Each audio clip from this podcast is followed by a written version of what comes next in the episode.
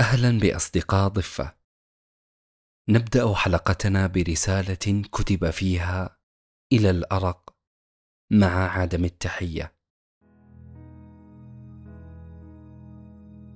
يقطن هنا إنسي يضعف عند محاولة القضاء عليك ولا يقدر سوى على مشاهدتك وأنت تقضم ساعاته بوحشية وتلذذ. واحدة تلو الأخرى. وهذه الرسالة لبيان عزه التام عن التغلب عليك. فكل الطرق تم استخدامها وانتهى الأمر إلى الاستسلام وتأمل السقف. مستجديا رحيلك مع قدوم خيوط الفجر الأولى. ولا علم لي بالشيء الذي يدعوك للعودة كلما ظننت أنك رحلت.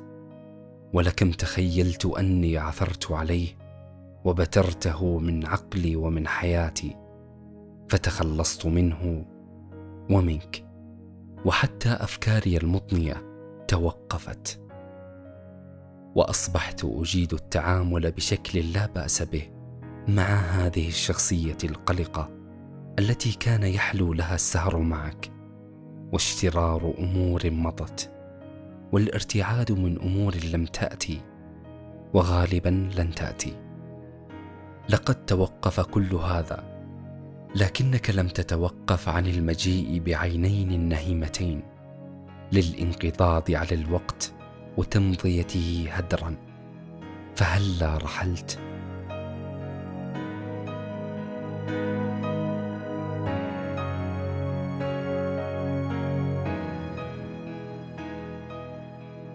الأرق أعرفه وأعرفه بعدة أشكال.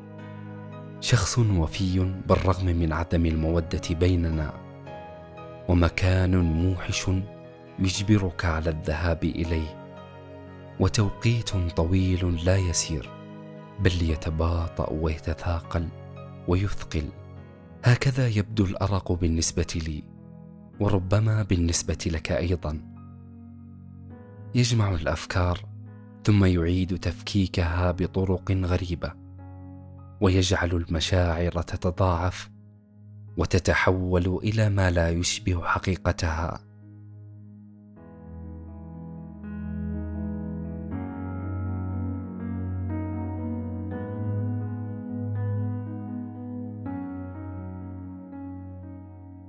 وبكل بساطة وبديهة فإن للنوم المصاحب للصحة والعافية والراحة لذة عجيبة.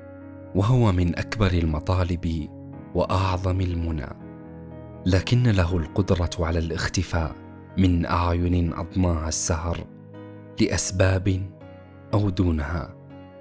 ولم يكن الأرق في نظري مجرد عرض أو مرض فقط إنما هو أيضا شيء يحغصر الروح بظلمة ويمتد كحاجز لا نهاية لارتفاعه أعلى من الغمض والنوم.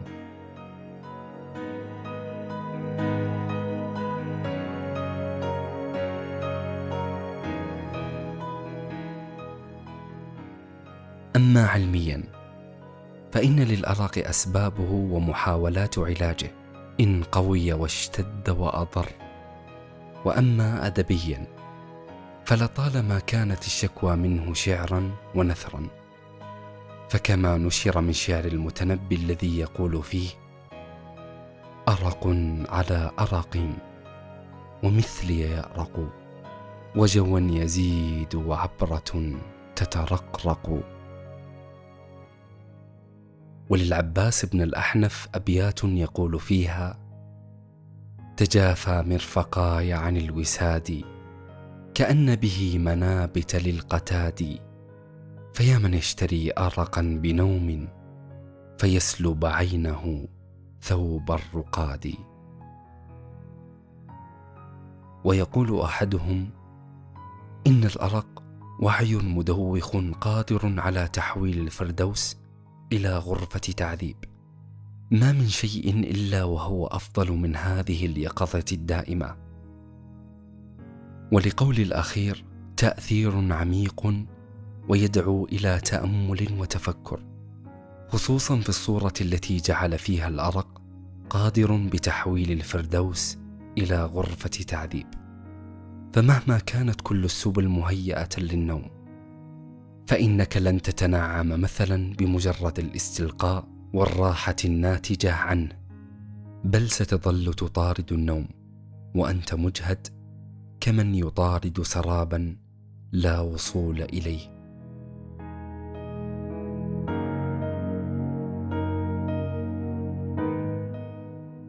أسمعتم عن طاعون الأرق؟ قوم أصابهم الأرق. تسلل إلى القرية وسلب الراحة من أعينهم. واحدا تلو الآخر. وانتقلت العدوى بينهم. تحديدا في قرية ماكوندو التي تقع في رواية مئة عام من العزلة. ظنوا في البداية أن ذلك أفضل لهم وأنهم سيجنون الكثير من الحياة. ولكنهم أدركوا لاحقا أن هذا الداء يكاد أن يكون مميتا فأصيبوا بالذعر. نسي النوم تماما ومن كثرة الاستيقاظ بدأ الناس ينسون كل شيء فأدى فقدان النوم إلى فقدان الذاكرة في مشهد مؤلم يستحيل نسيانه.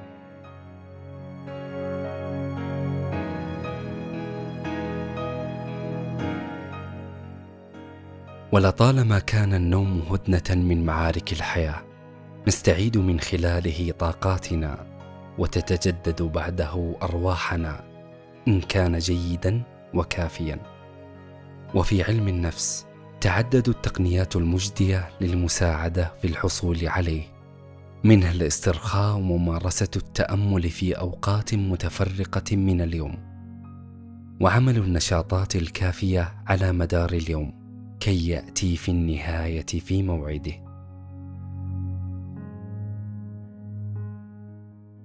ختاما أعلم أنه قد ينزعج أحدنا مما يحدث له لكن أود أن يعلم بأن حتى هذا الأرق قد يكون سببا لنيل الدرجات وطمأنة الروح من خلال استغلاله والاستفادة منه بما يعود بالنفع علينا. سواء باستغفار أو صلاة بدلا من التقلب بين أفكار يكاد يسمع ضجيجها. فأفكارنا المزعجة قد لا تصل بنا سوى إلى الهلاك والروح أشبه بشيء متصل بالسماء ويستمد أمانه وطمأنينته. من هناك